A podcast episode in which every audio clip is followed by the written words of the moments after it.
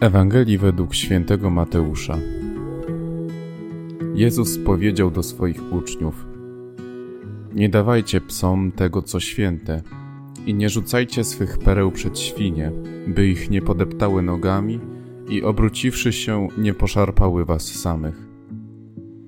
Wszystko więc, co byście chcieli, żeby wam ludzie czynili, i wy im czyńcie, albowiem to jest istota prawa i proroków Wchodźcie przez ciasną bramę, bo szeroka jest brama i przestronna ta droga, która prowadzi do zguby, a wielu jest takich, którzy przez nią wchodzą. Jakże ciasna jest brama i wąska droga, która prowadzi do życia, a mało jest takich, którzy ją znajdują.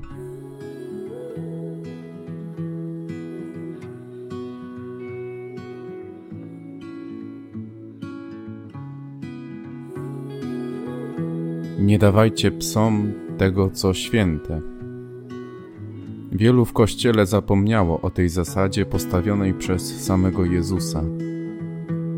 To, co święte, może być tylko w rękach świętych. Święte świętym. Kto święty, niech przystąpi. Kto nim nie jest, niech czyni pokutę. Ludzie Kościoła często zapominają o tej wielkiej i twórczej przestrzeni pokuty. Dają to, co święte psom i rzucają perły przed wieprze.